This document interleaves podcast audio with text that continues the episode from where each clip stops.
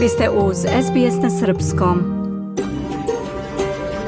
SBS, a world of difference. You're with SBS Serbian, on mobile, online and on radio.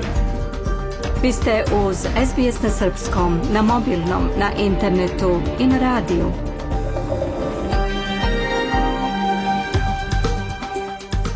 SBS odaje priznanje tradicionalnim vlasnicima zemlje sa koje danas emitujemo program na srpskom. Ovim izražavamo poštovanje prema narodu Vurenđer i Vojvurung, pripadnicima nacije Kulin i njihovim prošlim i sadašnjim starešinama.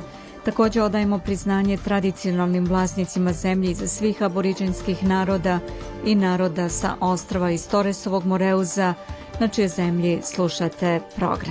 Dobar dan! Dobar dan! Danas je ponedeljak 27. novembar, 331. dan 2023. do kraja godine 34 dana. Ja sam Biljana Ristić. U današnjem programu posle pregleda vesti opširan sportski pregled, a danas možete čuti izveštaj sa obeležavanja 30 godina Udruženja Srpske zajednice Australije i takođe intervju sa prvom ženom srpskog porekla koja je imenovana za predsednicu gradske opštine Dandenong – Lanom Janković Formoso. Ostanite sa nama do 16 časova, sledi pregled vesti.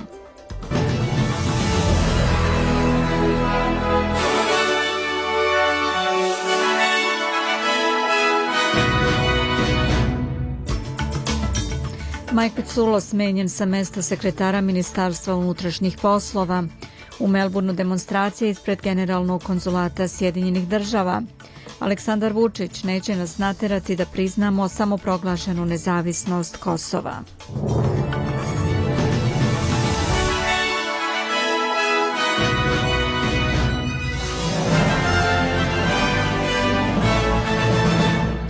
Mike Peculo je smenjen sa mesta sekretara Ministarstva unutrašnjih poslova nakon skandala sa tekstualnim porukama koje su procurela koje otkrivaju da je on više puta tokom petogodišnjeg perioda lobirao za svoje ministarstvo i insistirao na ličnim stavovima, kršeći standard ponašanja u okviru javnih službi. U saopštenju koje je izdala kancelarija premijera Albanizija, navodi se da je odluka donesena po preporuci koja je data nakon nezavisne istrage u kojoj je Pecula u potpunosti sarađivao. Stefani Foster će obavljati funkciju sekretara u ministarstvu do zvaničnog imenovanja novog sekretara. Najnovije istraživanje javnosti News Poll, čiji su rezultati objavljeni u novinama Australian, pokazuju da je podrška federalnoj vladi opala, što je laburiste i koaliciju sada izjednačilo na osnovu poređenja dve stranke. Koalicija vodi nad laburistima po principu primarnih glasova 38 prema 31. Laburistička partija premijera Albanizija pobedila je na izborima 2022. sa 32,6 odsto glasova na osnovu primarnog glasačkog tela. Podrška im je sada po tom osnovu pala za 4 procentna poena u odnosu na prethodno istraživanje pre tri nedelje, dok je podrška koaliciji po istom osnovu porasla za 1 poen. Prema najnovijim podacima, zeleni su takođe dobili dodatnu podršku od jednog poena i sad iznosi 13 od Za dva poena poraslo je poverenje manjim partijama i nezavisnima, na 12%, dok je partija Jedna nacija ostala na stabilnih 6%. and this week we're going to run the Senate if we can't get everything Senatorka Jackie Lambie rekla je za Kanal 9 da veruje da premijer treba da postane realista i da se fokusira na pitanja koja su važna, kao što je pritisak koji ljudi trpe zbog rasta cene životnih namirnica.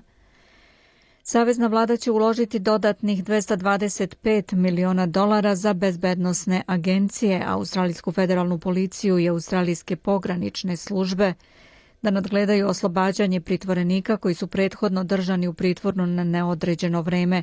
Među vremenu nezavisna poslanica Kylie Think trebalo bi da predloži zakon, odnosno private members bill, kojim bi se smanjio vremenski period u okviru kojeg vlada trenutno može da zadrži nekoga u imigracionom pritvoru do 90 dana i takođe bi se zabranilo vlastima da pritvaraju decu.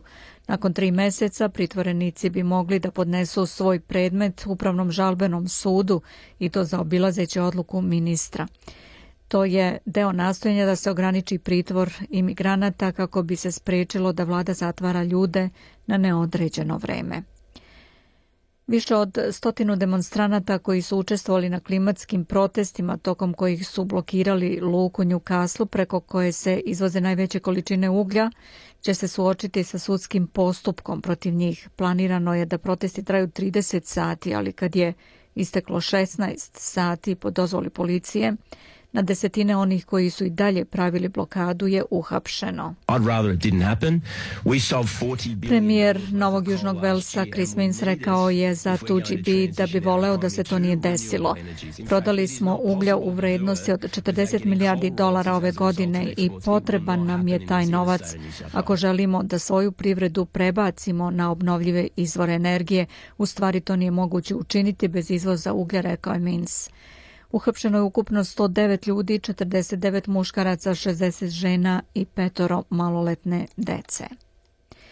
Ministar energetike i klimatskih e, pitanja Kris Bojan poziva zelene da ne osporavaju kodeks Savezne vlade o regulaciji gasne industrije u Senatu.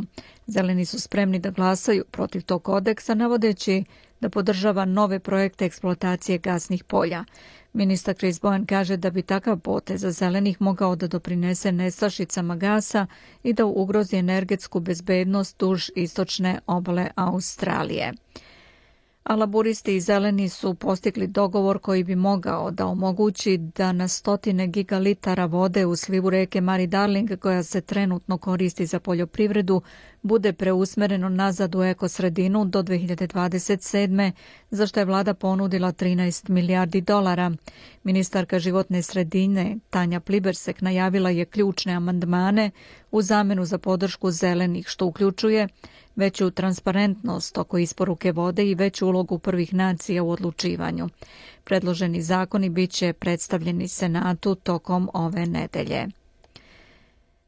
Lider zelenih Adam Bant odbio je tvrdnje da njegova stranka ima slabu tačku kad je u pitanju antisemitizam, a nakon što je bivši ambasador u Izraelu i liberalni poslanik Dave Sharma optužio zelene da demoniziraju državu Izrael tokom sukoba sa Hamasom. Sharma je prozvao senatorku zelenih Mahrin Faruki, koja je na društvenim mrežama podelila fotografiju na kojoj se vidi kako stoji na studentskim demonstracijama, dok se iza nje vidi poster na kojem je prikazana izraelska država bačena u kantu za smeće. Band kaže da gospođa Mehrin Faruki prilikom podele fotografije na društvenim platformama nije uočila taj poster, a sada je objavu uklonila i izvinila se. Band je rekao za ABC da zeleni nastavljaju sa svojim dugogodišnjim protivljenjem antisemitizmu istovremeno pozivajući na trajni prekid vatre u sukobu između Izraela i Hamasa oppose anti-Semitism. We've been concerned about the rise of anti-Semitism in Australia for some time. It's been um, Protivimo se antisemitizmu, već neko vreme smo zabrinuti zbog porasta antisemitizma u Australiji. To traje već nekoliko godina. Stali smo svom snagom iza pokušaja da se uhvatimo u koštac sa antisemitizmom kao i islamofobijom u ovoj zemlji i mislim da zauzimam poziciju u okviru koje uporno pozivam na mir i bezbednost i za Izraelce i za Palestince na ravno ravnopravnoj osnovi i pozivam na prekid invazije, rekao je Adam Band. Inače, bivši savezni član parlamenta Dave Sharma vratit će se u parlament nakon što je obezbedio sedište bivše ministarke spoljnih poslova Marise Payne u Senatu Novog Južnog Velsa. Prilikom glasanja članova liberalne partije u nedelju, Sharma je dobio više glasova nego Andrew Constance, 251 naspram 206. Bivši državni blagajnik koji je držao sedište Biga, Andrew Constant, svažio je za favorita, pošto ga je podržao opozicijni lider Peter Dutton, međutim umereni članovi partije su podržali gospodina Sharmu, bivšeg saveznog člana parlamenta za sedište Venvort, koji je to sedište izgubio u trci sa nezavisnom kandidatkinjom Allegrom Spender na izborima 2022. Sharma je takođe bio ambasador Australije u Izraelu od 2013. do 2017. godine. Od početka rata između Izraela i Hamasa 13 puta se povećala stopa prijavljivanja u registar islamofobije u Australiji. Trenutno se podnosi 30 prijava nedeljno, ali izvršna direktorka registra Šarara Atai kaže da postoji niz incidenata za koje se zna, ali se ne prijavljuju. U okviru 227 incidenata prijavljenih do prošlog petka spadaju uznemiravanje vernika u džamijama, pljuvanje muslimanskih žena i veliki broj verbalnih zlostavljanja. Nedavni slučaj odnosi se i na hrišćanskog đaka osnovne škole u zapadnom Sidneju koji je nazvan teroristom jer je palestinac a demonstranti u Melbourneu formirali su blokadu ispred zgrade u kojoj je smešten generalni konzul Sjedinjenih država, demonstrirajući protiv podrške Sjedinjenih država izraelskoj vojnoj akciji protiv Gaze. Nekoliko demonstranata zakačilo se na improvizovanu privremenu ogradu. Navodi se da grupa deluje u znak solidarnosti sa sličnim protestom i blokadom u mestu Pine Gap u severnoj teritoriji gde je smešten zajednički američko-australijski odbrambeni objekat. Policija Viktorije saopštila da su dve osobe uhapšene zbog ometanja rada policije. Na desetine hiljada ljudi izašlo je na ulice Londona pod budnim okom policije sa zemlje i policijskih helikoptera iz vazduha da bi digli glas protiv narastajućeg antisemitizma u Britaniji, ali i širom sveta. Jevrejska zajednica poslednji put je izašla na britanske ulice 8. oktobra, reagujući na masovna ubijstva koje je Hamas počinio u Izraelu. Od tada su u Britaniji zabeležena 554 antisemitska incidenta. Nekolicina novinara jevreja dala je otkaz u BBC-u zbog, kako oni tvrde, propalestinske uređivačke politike britanskog javnog servisa. A tokom trećeg dana primirja između Izraela i Hamasa, izraelske odbrambene snage kažu da je prema informacijama koje je vojsci dostavio Crveni krst, Hamas predao 17 talaca, među kojima je četvrogodišnja Abigail Eden, koja je ostala bez oba roditelja u napadu militanata Hamasa 7. oktobra. Abigail ima dvostruko američko-izraelsko državljanstvo. Iz izraelskih zatvora puštena je druga grupa od 39 palestinaca, a umeđu vremenu predsednik Sjedinih država zahvalio se katarskom emiru šejku Tamimu bin Hamidu Taniju na posredovanju koje je pomoglo oslobađanju talaca, a katarska delegacija došla je u Izrael kako bi razgovarala o mogućem produžetku prekida vatre. Premijer Izraela Benjamin Netanjahu rekao je da je američkom predsjedniku Bajdenu preneo da je otvoren za produžetak sadašnjeg primirja, ali da kada se ono završi, kopnena operacija vojske će se nastaviti, kako je rekao, punom snagom. Smatra se da se sadašnje četvorodnevno primirje može produžiti kako bi se omogućilo oslobađanje više talaca svakog dana po deset. Slušate SBS na srpskom pregled vesti 15 časova 12 minuta 50 sekundi je. Jermenija i Saudijska Arabija potpisali su juče protokol o uspostavljanju diplomatskih odnosa, saopštile preslužba Jermenskog ministarstva spoljnih poslova. Protokol o uspostavljanju diplomatskih odnosa između Republike Jermenije i Kraljevine Saudijske Arabije potpisan je 25. novembra, navodi se u saopštenju. Jerevan i Rijad nisu održavali diplomatske odnose otkako je Jermenija postala nezavisna nakon raspada Sovjetskog saveza 1991. Sjedinjene države saopštile su da su svesne da je Srbija od Kipra kupila stariji model polovnih ruskih helikoptera Mi-35 i ukazale da zbog rata koji Moskva bez savesti, kako se navodi, vodi protiv Ukrajine, nijedna država ne bi trebalo da posluje sa ruskom odbranbenom industrijom. Sjedinjene države i dalje snažno pozivaju sve zemlje da izbegavaju transakcije sa ruskim odbranbenim sektorom i što pre odustanu od zastarele vojne opreme sovjetskog i ruskog porekla, navodi se u odgovoru State Departmenta na upit glasa Amerike.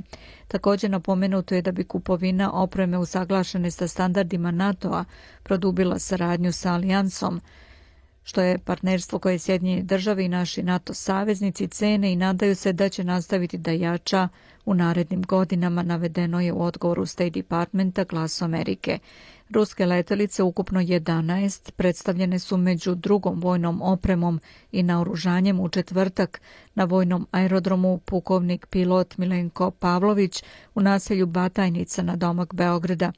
Među drugom opremom predstavljene su između ostalog transportne letelice i radarski sistemi francuskih kompanija Airbus i Telas, ali i nemačka i španska vojna oprema.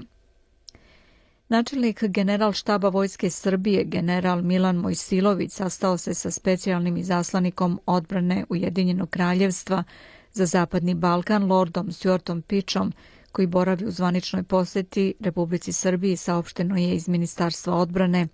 General Mojsilović je posebno istakao da se Vojska Srbije dosledno pridržava vojno-tehničkog sporazuma i da u skladu sa rezolucijom 1244 Saveta bezbednosti Ujedinjih nacija i svim potpisanim sporazumima KFOR prepoznaje kao jedinog garanta bezbednosti srpskog stanovništva i zaštite srpskog nacionalno-kulturno-istorijskog i verskog nasleđa na prostoru Kosova i Metohije.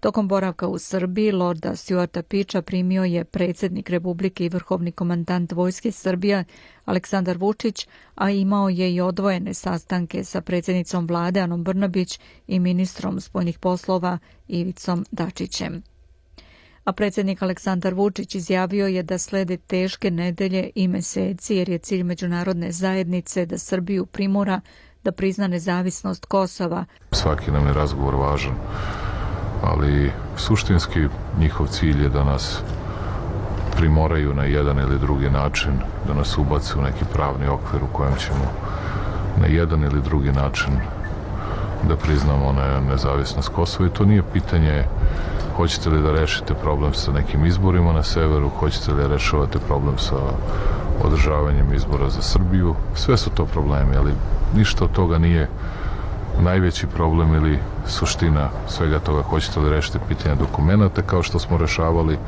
ili ćete rešiti ili ne rešiti problem tablica ništa od toga nije ključno ključno je hoćemo li mi da pustimo Ujedinjene nacije ili ne ne nećemo Komentarišući to što će načelnik general štaba Vojske Srbije general Milan Mojsilović danas razgovarati sa komandantom KFOR-a o bezbednosti na Kosovu i Metohiji, Vučić je rekao da ne misli da će tema tog razgovora biti bilo šta više od toga, jer i nema o čemu drugom da se govori Da pogledamo i kolika je vrednost australijskog dolara danas prema američkom vredi 66 centi, 60 euro centi, 52 britanska penija i 70 srpskih dinara, 41 para. Muzika na kraju ovog bloka da pogledamo i vremensku prognozu tokom popodneva.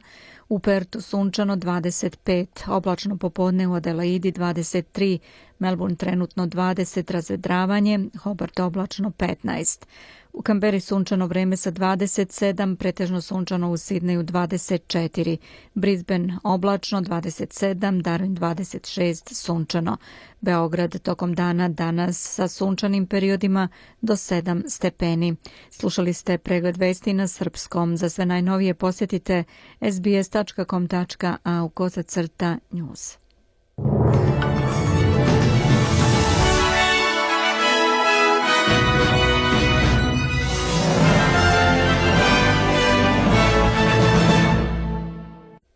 A u nastavku programa čućemo i opširan sportski izveštaj koji je pripremio Branko Cvetojević.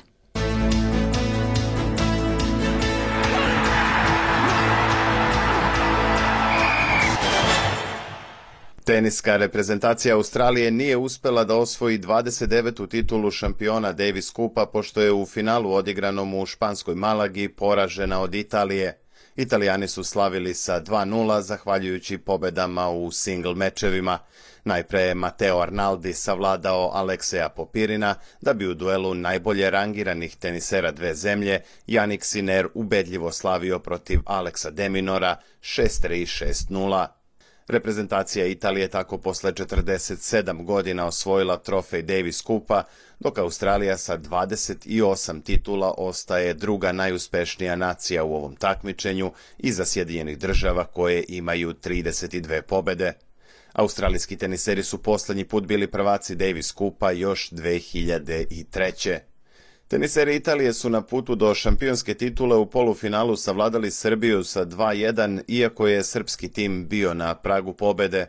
Nakon što je Miomir Kecmanović savladao Lorenca Muzetija, u drugom duelu je Novak Đoković imao čak tri meč lopte protiv Sinera, ali je četvrti igrač sveta uspeo da se odbrani, a zatim i da preokrene rezultat u svoju korist.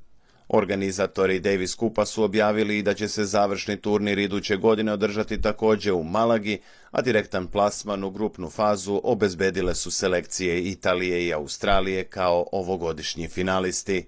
Takođe, ITF je odlučio da specijalne pozivnice za završnicu dodeli Španiji i Velikoj Britaniji, dok će Srbija morati da igra kvalifikacije, iako je ove godine eliminisala i Špance i Britance – Teniska selekcija Srbije igraće u kvalifikacijama protiv Slovačke u februaru iduće godine. Pobednik ovog meča plasiraće se u grupnu fazu takmičenja među 16 najboljih na svetu. Vozač Red Bulla Max Verstappen pobedio je u poslednjoj trci sezone u Formuli 1 koja je vožena sinoć za veliku nagradu Abu Dabija. Holanđanin je tako stigao do rekordne 19. pobede u sezoni, a 54. u karijeri.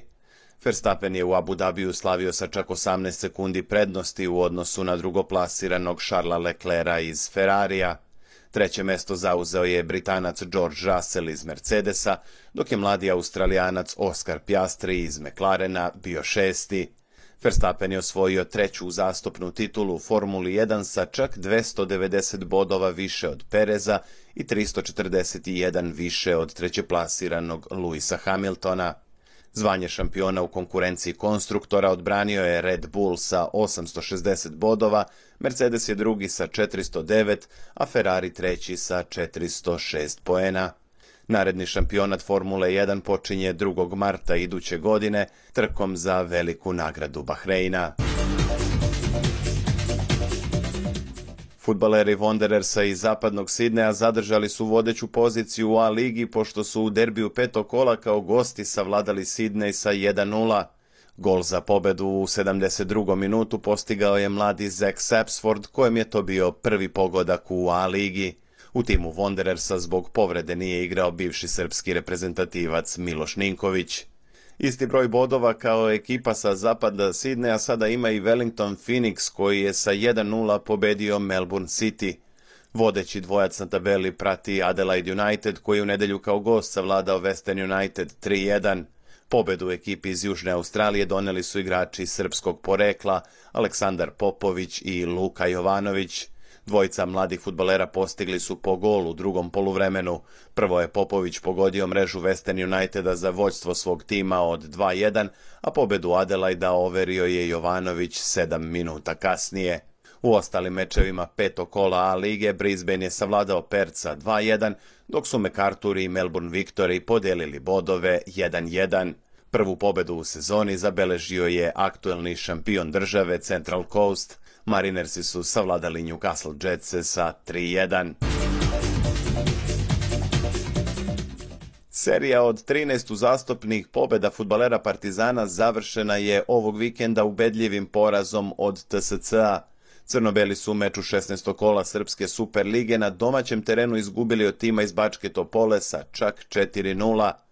Poraz lidera prvenstva iskoristila je Crvena zvezda koja je pobedom protiv Vojvodine u Novom Sadu 2-1 smanjila zaostatak na 3 boda. Ubedljivu pobedu u ovom kolu zabeležio i Novi Pazar koji je na gostovanju u Kragujevcu savladao radnički rezultatom 4-0. Pazarci su sada na četvrtom mestu na tabeli sa šest bodova manje od trećeplasiranog TSC-a. U ostalim mečevima 16. kola Superlige postignuti su ovi rezultati – IMT Spartak 0-1, Radnik Mladost Lučani 1-1, Radnički Niš Čukarički 0-2 i Železničar Napredak 2-1. Večeras igraju Javor i Voždovac. Partizan vodi na tabeli sa 40 bodova, a druga je Crvena zvezda sa 37. Ekipe Juventusa i Intera odigrale su nerešeno 1-1 u derbiju 13. kola serije A. Prednost domaćem timu donao je srpski reprezentativac Dušan Vlahović u 27. minutu, a Inter je izjednačio 6 minuta kasnije preko Lautara Martineza. Inter je tako zadržao dva boda prednosti na čelu tabele u odnosu na Juventus, dok je treće plasirani Milan smanjio zaostatak za vodećim timovima, pošto je na domaćem terenu savladao Fiorentinu 1 prema 0. Za to vreme u Engleskoj Manchester City i Liverpool su podelili bodove u meču 13. kola Premier lige. City je poveo preko Erlinga Haalanda u 27. minutu, a izjednačio je Trent Alexander-Arnold 10 minuta pre kraja utakmice. Remi u derbiju kola iskoristio je Arsenal koji je pobedom u gostima protiv Brentforda 1-0 preuzeo lidersku poziciju od Manchester City-a a u Španiji se na prvo mesto na tabeli vratio madridski Real pobedom protiv Kadiza od 3-0. Kraljevski klub sada ima bod više od Girone koja svoj meč 14. kola igra večeras protiv Atletik Bilbaoa. Iznenađenje kola u Španiji priredio je Rajo Vallecano koji je osvojio bod protiv Barcelone 1-1. Proslavljeni futbalski trener Terry Venables preminuo je u nedelju u 80. godini, saopštila je njegova porodica – Venables je u bogatoj karijeri bio selektor reprezentacija Engleske i Australije, a trenirao je i ekipe Barcelone i Tottenhema. Sa Engleskom je stigao do polufinala Evropskog prvenstva 1996. dok je Australiju vodio u kvalifikacijama za prvenstvo sveta 98. Iako Sokerusi sa Venablesom nisu izgubili ni jedan meč u tim kvalifikacijama, eliminisani su u baražu od selekcije Irana zbog gola više primljenog na domaćem terenu. U Teheranu je bilo 1-1, a u revanšu Melbourneu 2-2. SBS ogledalo aktualnih zbivanja u sportu. SBS Sport je destinacija broj 1 ako pratite biciklizam, mototrke, svetsku atletiku i mnoge druge sportove. Posetite sbs.com.au slash sport. 15 časova 28 minuta i ostanite sa nama. Srbija je ratifikovala Istanbulsku konvenciju 2013. nakon čega je usledila pravna nadogradnja zakonskih rešenja o tome da je svaki oblik nasilja – koji je rodno zasnovan, jasno iskazano krivično delo koje se mora sankcionisati, ali postoji pitanje primjene tih zakona, izjavio ministar za ljudska i manjinska prava i društveni dijalog Tomislav Žigmanov. U Srbiji je u subotu počelo 16 dana aktivizma protiv nasilja nad ženama, o čemu izveštava Hranislav Nikolić da čujemo. Skup pod nazivom Zamisli život bez nasilja – povodom početka obeležavanja ovogodišnje kampanje 16 dana aktivizma protiv nasilja nad ženama, održan je u subotu u Narodnoj biblioteci u Beogradu, a u organizaciji Ujedinjenih nacija u Srbiji. Kampanja Stop femicidu, kako je rečeno na konferenciji, ima za cilj da podigne svest u Srbiji o ozbiljnosti problema femicida u društvu i motiviše sve organe javne vlasti, medije, jedinice lokalne samuprave, organizacije civilnog društva i druge aktere u primeni politike vlade Srbije ka nultoj toleranciji prema nasilju. Jer prema zvaničnim podacima ove godine do 20. novembra ubijeno je 27 žena od strane muškaraca. Kampanja 16 dana aktivizma protiv nasilja nad ženama – počela je 25. novembra i trajeće do 10. decembra. Paneli na temu femicida u ovom periodu, pored Beograda, održat će se u Kragujevcu, Novom Sadu, Nišu i Novom Pazaru. Na skupu u Beogradu govorili su François Jacob, stalna koordinatorka UN u Srbiji, Emmanuel Giofre, šef delegacije Evropske unije u Srbiji, Anke Konard, ambasadorka Nemačke u Beogradu, Jakub Beriš, stalni predstavnik programa UN za razvoj i drugi. Tomislav Žigmanov, ministar za ljudska i manjinska prava i društveni dijalog, je na ovom skupu rekao. Naša će kampanja imati nekoliko aspekata, jedna će biti usvorena prema žrtvama, ohrabrivat sve one koji su objekti rodno zasnovanog nasilja da institucijama koje su za to nadležno odmah na početku svih svojih neugoda koje imaju prijave nasilnike, radit ćemo na tome da se i državni organi više se dividiraju da odgovornije pristupaju tome, pokrenuta inicijativa da se i u izmenama krivičnog zakonika u Republici Srbiji femicid imenuje kao samostalno krivično delo, radit ćemo na tome da se objavi i popisi e, žrtava femicida i da se objavi, da se sačinjava registar nasilnika. Razgovarat ćemo i o tome da se u medijima izveštava o femicidu bez ekskluzivizma, bez senzacionalizma, nego da je primere način i naravno slati poruku da svaki oblik agresije, svaki oblik netolerantnog govora ili ponašanja koji ima elemente E, nasilja bude sprečeno kao društveno nedopustivo delo koje se ima sankcionisati. Kristijan Schilling, šef Odeljenja za privrednu saradnju je istakao da je pitanje femicida veoma ozbiljno. Zatim je kazao. This Joel wants to to put these topics uh, much more strongly in the centers we, we used to do. A uh, Nemačka želi da stavi fokus mnogo jače u temu nego što smo inače ranije radili. Zato su uh, ministar razvoja saradnje, uh, Šolc i uh, odpšte Pervok, uh, ministarka spoljne, za spoljne poslove Nemačke, su jako rano stavile u fokus ovu e, takozvanu feminističku razvojnu saradnju, znači, feminističku spoljnu politiku Nemačke. Zato će e, u nastavku naše, e, sa našim partnerskim zemljama, u nastavku razvojne saradnje Nemačke, jednaka prava, jednakost i zastupljenost u jednakim odnosima između svih polova će biti u centru razvojne saradnje Nemačke. Zato smo i prošle godine započeli novi projekat sa, zajedno sa Srpskom ministarstvom za uh, ljudska i manjinska prava, uh, novi projekat za socijalno uključivanje između ostalog i žena. Prema podacima organizacije Autonomni ženski centar, u posljednjih pet godina u Srbiji je ubijeno više od 110 žena od strane muškaraca. 2019. godine smrtno je stradalo 26 žena, 2020. takođe 26, 2021. 20, 2022. 26, a ove godine do 20. novembra ubijeno je 27 žena. Iz Beograda za SBS Hranislav Nikolić. Postavite sbs.com.au kosaceta srbijen kao osnovnu stranicu vašeg pretraživača. Pratite vesti, aktuelnosti, zabavne sadržaje na sbs.com.au kosacrta srbijen. Volite da slušate SBS na srpskom? Nastavimo razgovor na našoj Facebook stranici. Dajte nam like i podelite vaša mišljenja sa nama. SBS Serbian na Facebooku. Slušate SBS na srpskom, ja sam Biljana Ristić. U četvrtak 23. novembra u Dandenongu je svečano obeleženo 30 godina Udruženja Srpske zajednice Australije.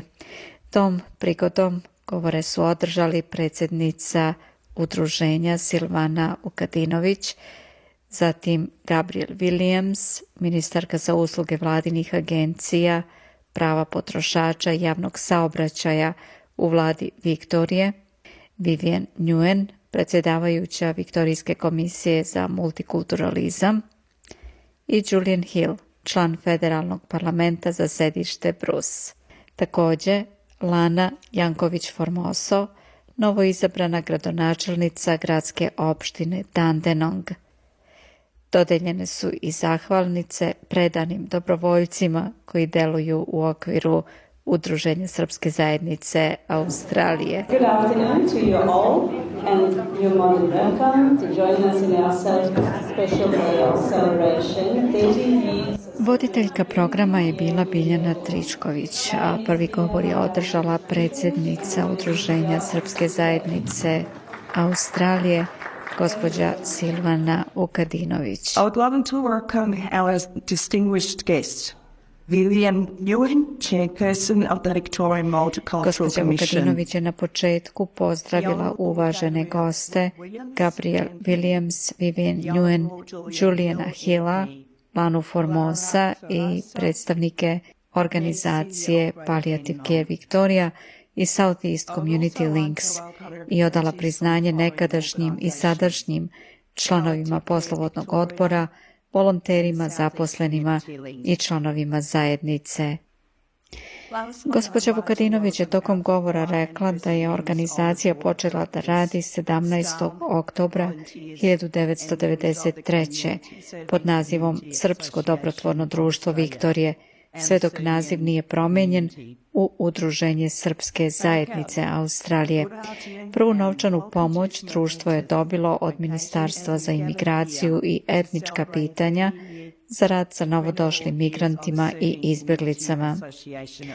Srpsko dobrotvorno društvo Viktorije više od 15 godina je uglavnom radilo sa hiljadama izbjeglica koji su dolazili 1990-ih. Pomagali su im da se zaposle, smeste i uključe u zajednicu. Krajem 1990-ih znači, humanitarni program u okviru kojeg su izbeglice dolazile je dostigao vrhunac, a posljednji talas izbeglica srpskog porekla bio je između 2001. i 2006. Do tada je većina izbeglica prevazišla probleme koji su se odnosili na smeštaj i uklapanje u novu sredinu. 2009. uz novčanu podršku Viktorijske komisije za multikulturalna pitanja urađena je studija izvodljivosti kako bi se utvrdile potrebe srpske zajednice. Ta studija je pokazala da su se potrebe srpske zajednice promenile. Iste godine organizacija je promenila naziv u Udruženje srpske zajednice Australije. Trenutno zaposleni u udruženju rade sa starijim osobama i negovateljima, pošto zajednica stari. Iz tog razloga je intenzivirana saradnja sa organizacijom Palliative Care Victoria u okviru različitih programa. Organizacija dobija novčanu pomoć od agencija federalne i državne vlade i lokalnih vlasti.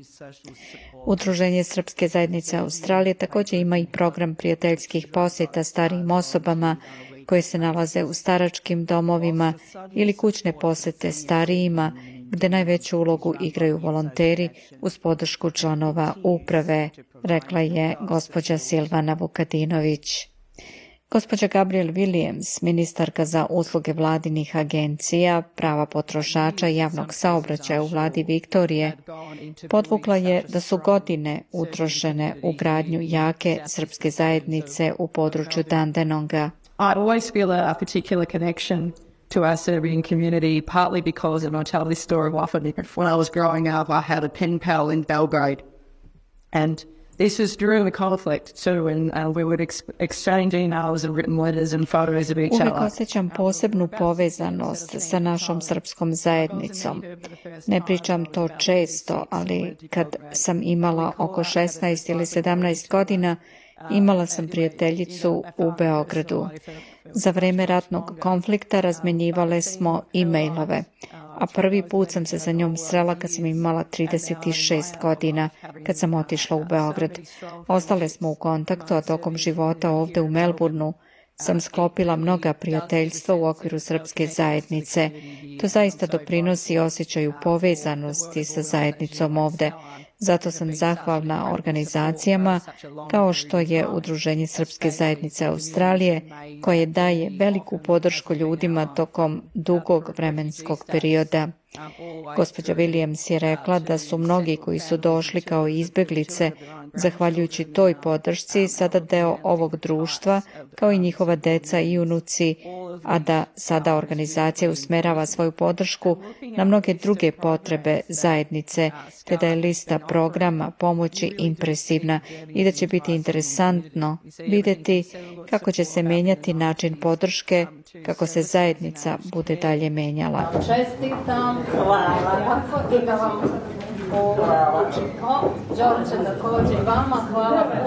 Koordinatorka Udruženja Srpske zajednice Australije Marina Čelebić je zatim dodelila zahvalnice predanim dobrovoljcima koji deluju u okviru udruženja. Zahvalnice su dobili Rade Pajić, Tonka Balog, Đuka Ninković, Milica Mijajlović, Jordanka Samrđić, Đorđe Rašić, Saveta Rašić, Jasna Lubura, Zaga Salapura, Slavica Popović, Kamila Panić, Mirjana Đurovija, Branka Petrović i Dragica Veličković.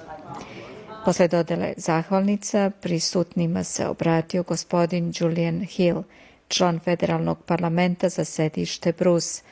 On je, čestitajući volonterima na priznanju, iskoristio priliku da čestita gospođi Lani Formoso na imenovanju za predsjednicu opštine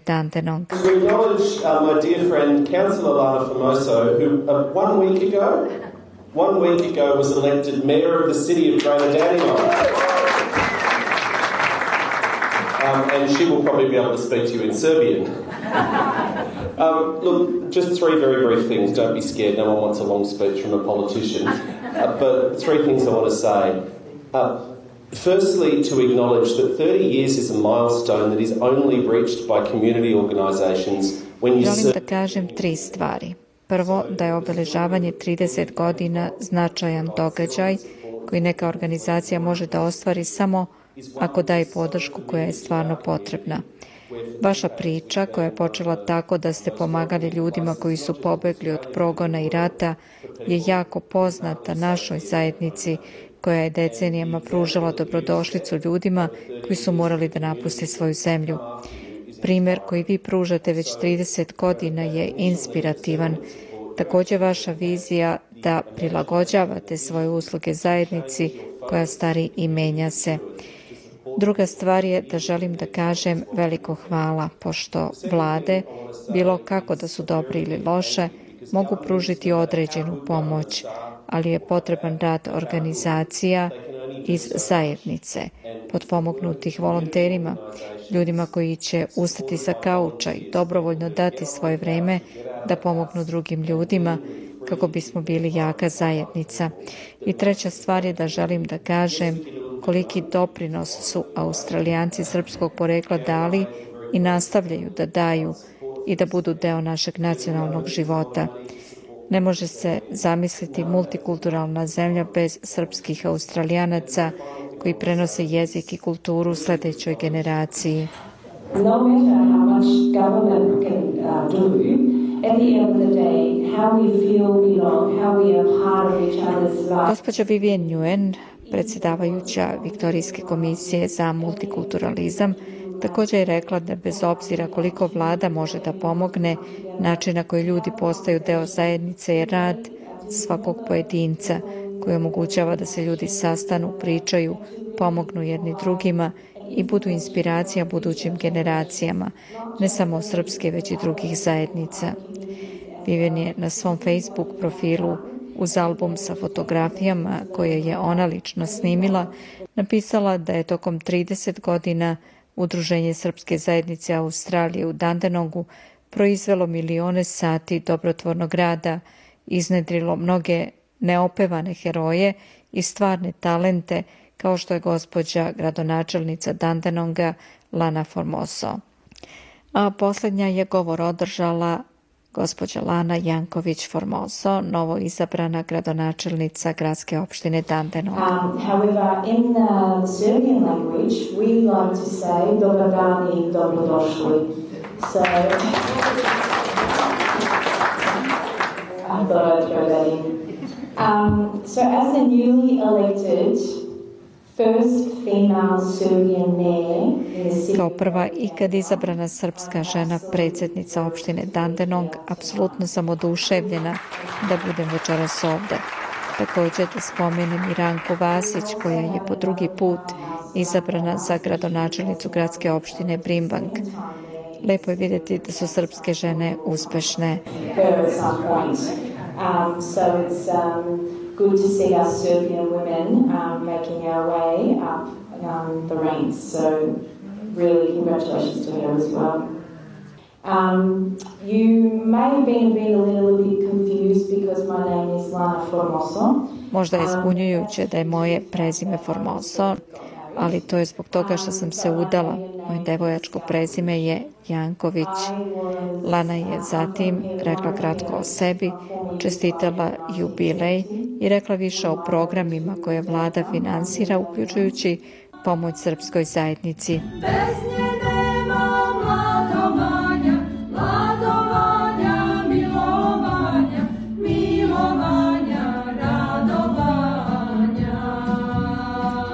kulturno-zabavnom delu programa učestvovali su Kud Ravanica i pevačka grupa Prelo, posle čega je Lana Janković Formoso dala i kratak intervju za SBS na srpskom. Da čujemo. Imam veliku čast i zadovoljstvo da pozdravim Lanu Janković Formoso, prvu predsednicu opštine Dandenong, ženu i povrh svega Srpkinju Lana od srca čestita. Puno hvala, puno hvala. To se desilo ovih dana, je li tako? Da, e, četvrtak se to desilo. Ja sam e, pokušavala za Lokokancu 2020 i opstanala i tako da sam dobila tu poziciju za Novo Park Northward e, od 2020 u prošle godine sam pokušavala za deputy meja i dobila sam tu poziciju i sad u četvrtak sam stavila ruku za me of Dandenong, prva um, srpkinja uh, u celi city u grati Dandenong da bude prvi meja. Stvarno od srca čestitam i toliko sam ponosna. U dubini duše sam srećna zbog toga, zbog naše zajednice i zbog tebe posebno. Uh, Za naše slušaoce reci nešto malo kratko o sebi ovako, da, da čuju ko si, da znaju. Dobro pitanje, hvala. E, moji roditelji su došli u Melbourne 1970. E, Moj otac je došao kao skilled migrant, majka moja imala 17 godina, kao i dosta naši ljudi koji su dolazili u to vreme, nisu imali jezik, nisu imali podruške, nisu imali porodice, nisu imali gde da žive, tako da su počeli od početak kao dosta naših i na kraju su došli ovde u, u Dandinong, priseli smo se tu i počeo život tu.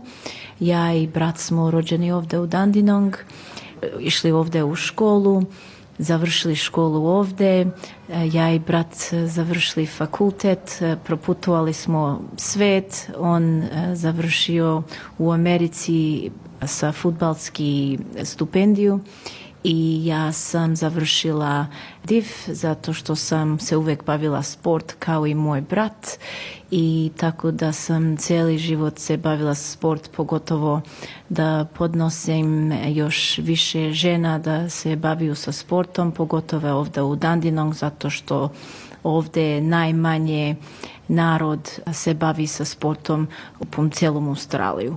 E, tako da sam vidjela da tu imamo veliki problem za različite razloge i onda sam počela da predajem kao fizički učiteljica.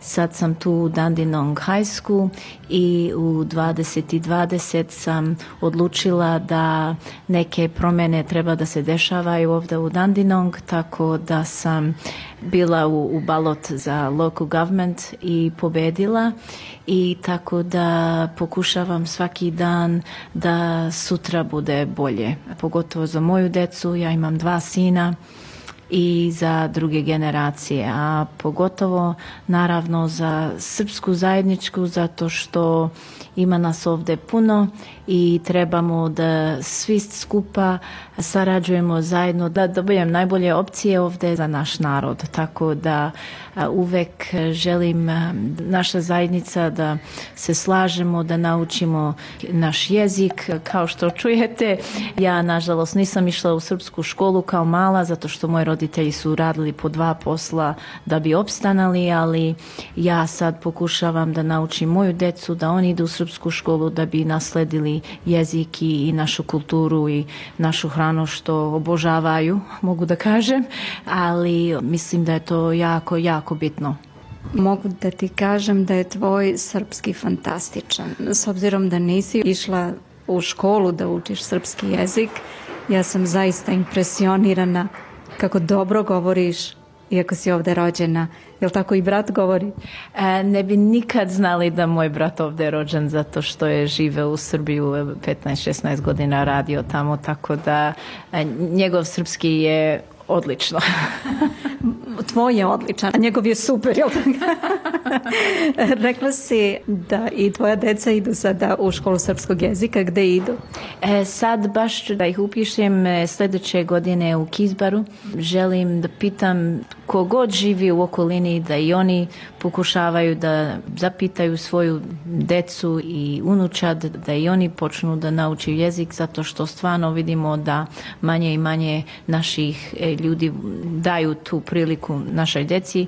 Znam da smo svi da žurimo i da smo jako vezani sa svakake obaveze, ali jako bitno svake nedelje volimo kao porodica da idemo u crkvu, da budemo pobožni i da moja deca idu u srpsku školu da nauču jezik. Ja mislim da je to jako bitno i to je moj e, prednost i moja odgovornost kao majka da pružim to moj deci. Da, otkrijem tajnu našim slušaocima. Ti si nekako prvi put srpskoj zajednici predstavljena na obeležavanju 30 godina nekadašnjeg Srpskog dobrotvornog društva, a sadašnje Serbian Community Association of da, da, Australia. Da, I, I ljudi su bili oduševljeni. Da, da.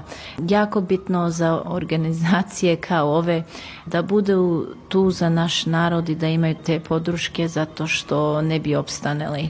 Mnogo ljudi kad dođu ne znaju kako da, kome da krenu, kako da počnu i jako, jako teško da se naviknu na život ovde u Australiji ali velika razlika. Ja sam bila dosta puta u Srbiji, nažalost dugo nisam bila od kad sam rodila svoju decu i volila bi da vodim njih e, jednog dana, ali ovakve organizacije su jako, jako bitni za, za naših ljudi. Ja pretpostavljam da će se sad ljudi ohrabriti i da se možda malo više javljaju u opštinu za pomoć. A, daj Bože, daj Bože. Kome god šta treba, nije bitno odaklancu i kosu, ali naravno ko god bude pitao e, srpske zajednice, naravno da bi žela punom srcom da im pomognem kako god bi mogla. Lana, ja ti želim mnogo, mnogo uspeha u tvom budućem radu i nadam se da ovo nije zadnji naš razgovor, da ćemo imati mnogo lepih povoda da razgovaramo, da se vidimo, da kažemo ljudima lepe vesti. Daj Bože, Bogu hvala. Hvala vam puno.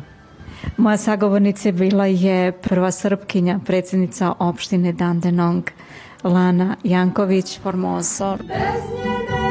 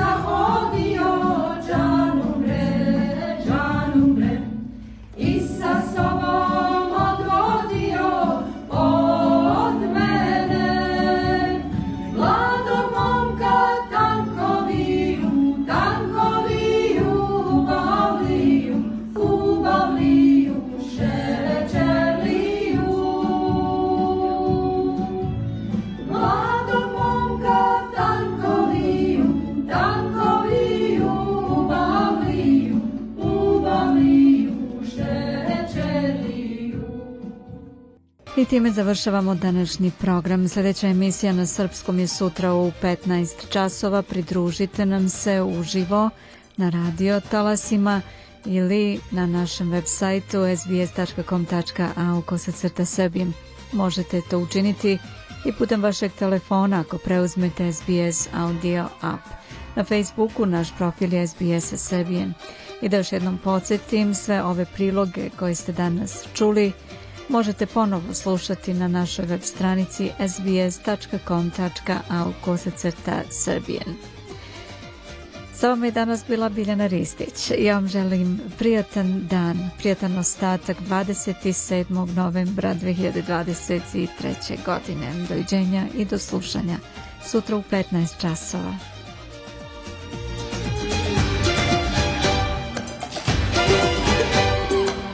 Želite da čujete još priča poput ove? Slušajte nas na Apple Podcast, Google Podcast, Spotify ili odakle god slušate podcast.